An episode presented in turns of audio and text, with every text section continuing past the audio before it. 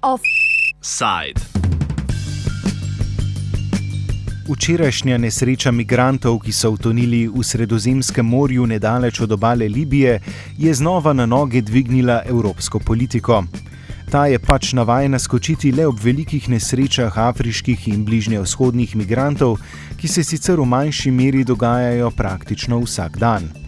Nedeljski najmnožičnejši brodolom, približno 700 migrantov v Sredozemlju, ki je sledil podobni nesreči z manj žrtvami nekaj dni predtem, je bila takšna priložnost za dvolično izražanje začudenja ter pozive k skupnim ukrepom in k prekinitvi dosedanje migracijske politike. Evropska unija pri tem že dolgo išče skupni jezik, medtem pa popušča z ukrepi reševanja v sredozemlju. Zato nesreče, kakršnim smo bili priča v minulem tednu, ne čudijo. Novinarja dela Boštjana Videmška to vrstne reakcije Evropskega vrha, ki za prepaščen na temo migracij sklicuje poseben vrh, ne presenečajo preveč. To ni zares nič novega.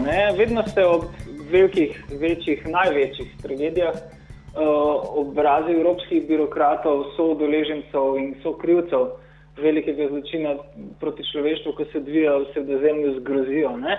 In potem se točijo uh, PR-ovske solze in dajo neke, bi rekel, nabruhanje migren želodec me boli, ko to poslušam izjave. Vedno je tako, tokrat še toliko bolj glasno in opazno, ker je um, skala te tragedije toliko večja. Ne? Te predvidljive, absolutno naprej uh, pričakovane tragedije, tragedije, ki nikakor ni um, izjema, ampak je postala zaradi evropske priseljenske politike, protipriseljenske, rasistične politike, ki hodi z roko v roki z mrhovinarskimi tihotapci, uh, je postala nekaj najbolj vsakdanjega. Ne? In jasno je bilo, ko se bo uh, Mediteransko morje malce segrelo, ko se bo ne bo razjasnilo, uh, se bodo odprla vrata pekla in bo uh, morje zopet postalo množično grobišče. Ne? V naslednjih dneh, tednih in mesecih uh, bomo brez dvoma priča nečemu, uh, če se moramo zelo, zelo bati. Ne, to bo obračun uh, z našo vestjo. Uh, videli bomo razloge resnične Evrope, resnične Evrope, rasistične Evrope, ki je zadnja leta na mesto, da bi ljudem priskočila na pomoč, zidala zidove, vlekla bodeče žice. In silila nemške očarje glasnemu lažu, uh, uh, bo uh, doživela silovit backlash v tem, ko bo tisoče in tisoče ljudi pred njenimi očmi izginjalo in se utapljalo in potem se bomo spraševali, smo res mar mi krivi za to, ne bomo pa se nikoli nikdar zares vprašali, kako pomagati tem ljudem in kaj je dejansko krivo, da te ljudje bežijo proti Evropi.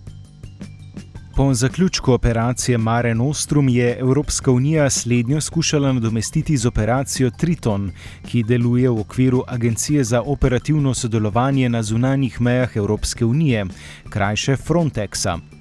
Toda pri operaciji Triton sodeluje 29 držav s precej manjšimi sredstvi in precej bolj omejeno kot Mare Nostrum. Dopisnica RTV Slovenije iz Italije Mojca Širok čeprav v njem sodeluje 29 držav Evropske unije in drugih držav, ima operacija trikrat manjši mesečni proračun od Mare Nostrum, torej 2,9 milijona evra, ima manj plovil. Ključna razlika pa je predvsem v tem, da medtem ko je Mare Nostrum nadzoroval širok pas Sredozemskega morja do obale Libije, ima Triton zgolj nadzorno, eh, torej funkcijo nadzora in ne reševanja na odprtem morju. Patrulirajo namreč le v pasu 30 mil od italijanskih obaljnih voda. Se pravi, če ta triton je doslej že pokazal, da pač preprosto ne zadošča in zato, če obstaja resnična volja, da se ljudi rešuje na morju, potem je treba ta triton okrepiti. To je bil nek face-saving moment strani Evropske unije, ki si je preko noči zmislila to proslulo misijo Triton, katere budžet pa je za 4,5 krat nižji in v bistvu gre potrečeno na začetku popolnoma v skladu z vrčevalno politiko, uh, ki je namenjena sama sebi uh, in seveda bi rekel temu, da bogatejše dela zadovoljnejše, revnejše pa dobesedno utaplja in to ne samo v revščini. In to, kar gledamo danes, je neposredna posledica tudi vrčevanja. Na drugi strani je bila Mare Nostrum, čeprav je potekala pod zastavo Evropske unije, praktično italijanska operacija, v kateri so reševalne ladje nadzorovale precej širše območje Sredozemskega morja. Italija je za operacijo, kot smo slišali, namenila trikrat več sredstev kot za aktualni Triton namenja Evropska unija. Temu primerna pa je bila tudi večja uspešnost. Leta 2014 je v Italijo prispelo 219 tisoč beguncev, priseljencev in prosilcev za azil, kot jih ponavadi potem, ko so enkrat na kopnem, na varnem, kategorizirajo za to pristojne organizacije. V času delovanja Mare Nostrum od oktobra 2013 do oktobra 2014 je umrlo 3500 ljudi. V prvih štirih mesecih letos, kar Mare Nostrum več ni, je umrlo že pol toliko ljudi kot v celem letu, v 12 mesecih delovanja Mare Nostrum.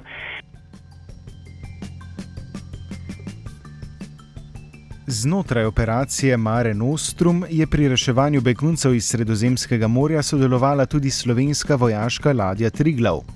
Videmšek, ki je obiskal slovensko posadko na Triglavu, vidi operacijo kot izjemno praktično in učinkovito.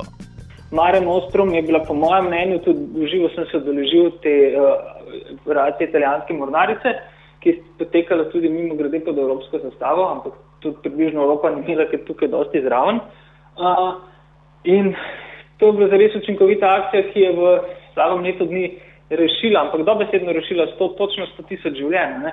In uh, nekako je ta akcija tudi ponudila um, način oziroma ozorec, kako je mogoče reševati ljudi uh, iz morja. To seveda ne pomeni, da je ponudila ozorec, kako rešiti to strahovito kompleksno in boleče priseljensko vprašanje, ampak ponudila je pa tehničen, logističen odgovor na vprašanje, kako reševati življenja.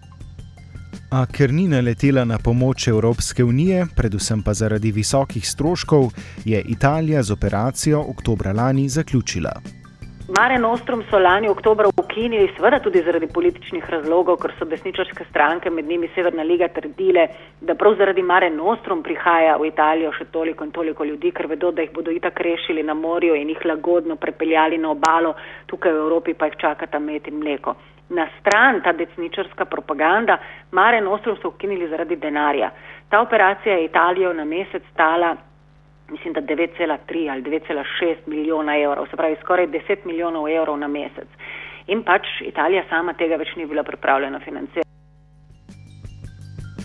Toda čeprav Italija vse čas izpostavlja, da potrebuje pri spopadanju z migracijami več pomoči Evropske unije in da jo ta pušča samo, pa široko opozarja, da to drži le deloma. Ker je od države za upravljanje v bistvu teh sprejemnih centrov, Uh, prejemajo velike vsote denarja. Italija za enega človeka, za enega prosilca za azil, da 46 evrov na dan.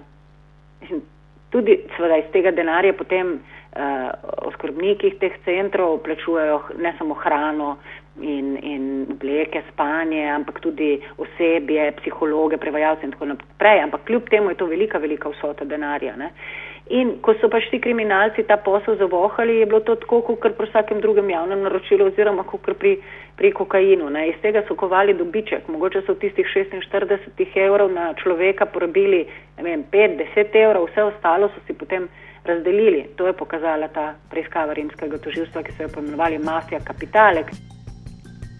Zadržana in neiskrena drža Evropske unije pri reševanju migracijske problematike in migrantov v sredozemlju, ki je v zadnjih letih, kot smo slišali, zavijal vrčevalne zavoje, ne preseneča.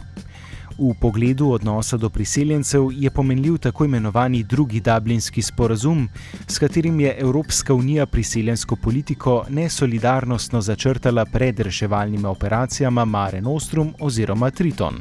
Vidim še.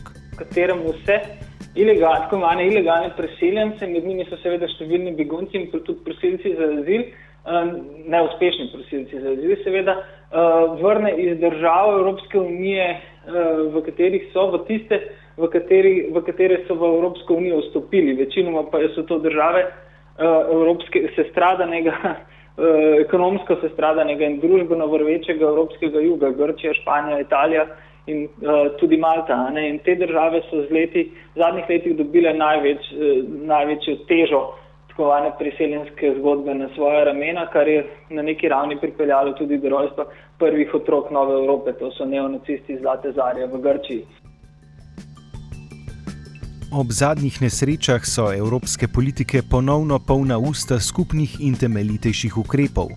Omenjajo se različne rešitve, od ponovne vzpostavitve reševalne operacije v Sredozemskem morju, podobni Mare Nostrum, le da bi v njej sodelovalo več držav Unije, pa do finančno in operativno okrepljene operacije Triton. To vrstni problem, ki smo mu priča, eh, je rešljiv s kančkom politične volje in malce človečnosti. Mare Nostrum je posedoval kar precej eh, človeščnosti, veliko volje, eh, primankvala pa mu je širša politična podpora.